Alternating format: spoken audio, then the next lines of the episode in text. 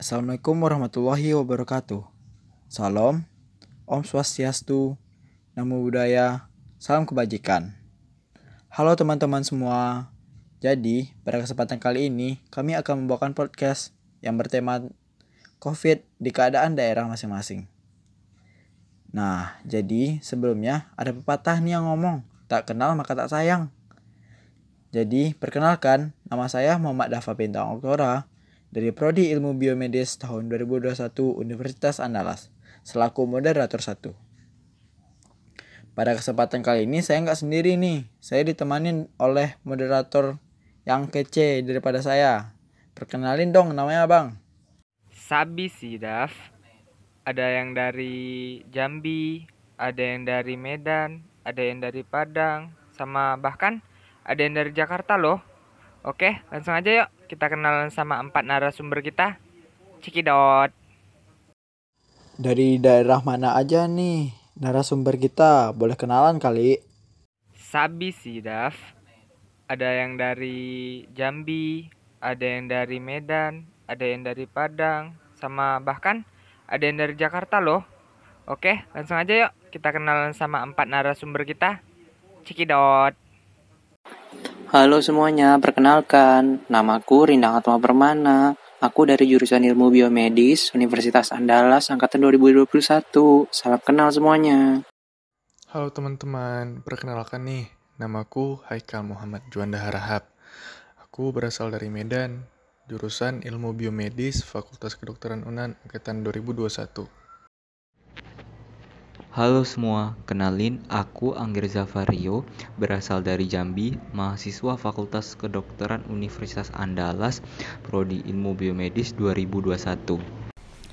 Halo teman-teman semua, kenalin juga nih, aku Alvan Ahmad Rezano, asal Padang, mahasiswa Ilmu Biomedis Fakultas Kedokteran Universitas Andalas, angkatan 2021. Selanjutnya aku kembali lagi nih kepada moderator kece kita. Nah, kita udah kenalan semua nih. Daripada banyak bicara lagi, mending langsung ke pertanyaan aja ya kali ya, Daf. Nah, bener juga nih Ron. Langsung aja kali ya ke pertanyaan pertama. Menurut kalian, keadaan COVID di daerah masing-masing gimana sih? Ya, untuk eh, di daerah Jakarta sih alhamdulillah ya sudah mereda walaupun kasusnya jumlahnya itu masih lebih tinggi dari daerah, dari daerah lain. Nah, di Jakarta ini eh, sudah berubah nih.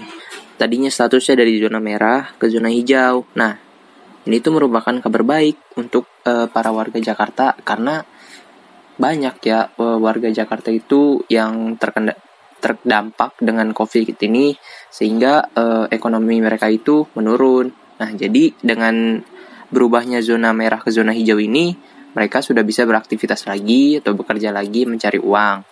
Dan eh, kabar positif, kabar baiknya lagi itu karena ini sudah zona hijau, jadi sekolah sudah mulai tetap buka nih, mulai 30 Agustus nanti.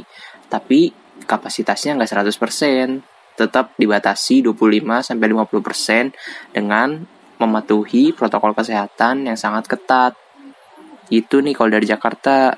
Kalau dari yang lain bagaimana? Kalau di kota Padang sih ya, kasusnya lumayan agak menurun setelah PPKM.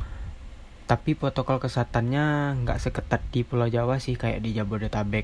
Kalau di sini pemerintah masih ngebolehin kafe-kafe buka dengan live musik sampai jam 9 malam, tapi dengan protokol kesehatan yang ketat.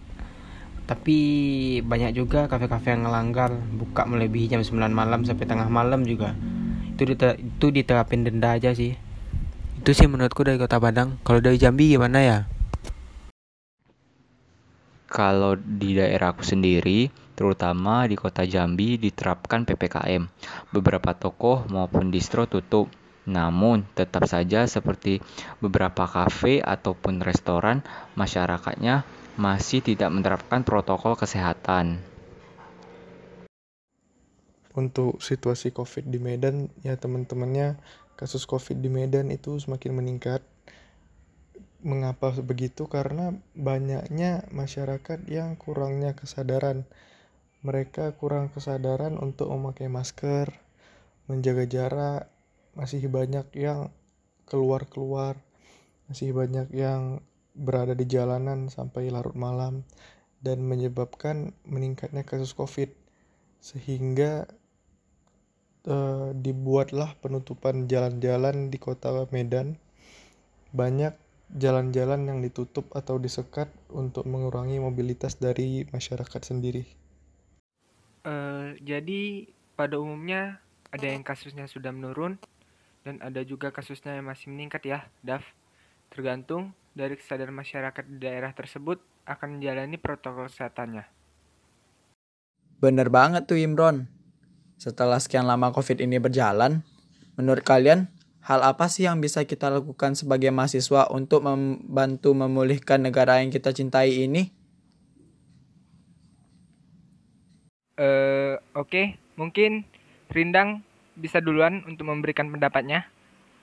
Kalau menurut aku ya, kita sebagai mahasiswa itu bisa melakukan dua hal uh, untuk di saat pandemi COVID ini. Yang pertama itu melakukan vaksinasi. Nah, kita kan uh, semua orang ini kan sudah diwajibkan untuk vaksin ya, dan vaksin itu kan menurunkan kemungkinan kita untuk terjangkit COVID ini, serta sudah banyak juga program vaksinasi gratis yang disediakan oleh pemerintah. Jadi jangan lupa vaksin ya. Dan yang kedua itu tetap mematuhi protokol kesehatan dan lakukan 7M. Karena ini merupakan salah satu hal yang bisa kita lakukan untuk memutus mata rantai penyebaran COVID-19 ini. Kalau yang lain bagaimana? Kalau menurut aku sih ya, kita sebagai mahasiswa harus memiliki kesadaran sih untuk jangan nongkrong, dan juga memilih dan juga menghimbau teman-teman semua dan juga masyarakat agar nggak membuat kerumunan gitu supaya covid bisa ada kalau menurut aku di era sekarang dengan perkembangan di bidang teknologi ini sangat perlu dimanfaatkan seperti pembuatan video edukasi ataupun poster tentang anjuran vaksin maupun aturan sesuai protokol kesehatan. Menurut saya cara kita untuk menanggulangi COVID ini ialah melalui dari kesadaran diri kita masing-masing dahulu, seperti memakai masker dan menjaga jarak saat bertemu atau keluar rumah. Dan juga kita harus mengikuti protokol-protokol kesehatan yang telah ditetapkan pemerintah. Dan sebaiknya kita untuk memberitahu dan mengingatkan teman-teman kita agar memakai masker dan menjaga jarak saat kita bertemu. Bagus-bagus semua ya respon dari keempat narasumber kita.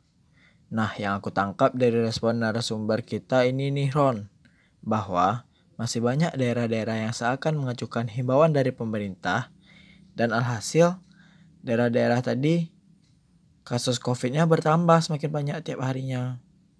Dan solusinya sudah dibilang nih sama keempat narasumber kita tadi. Yang intinya, kita harus pandai menahan diri kita masing-masing teman-teman.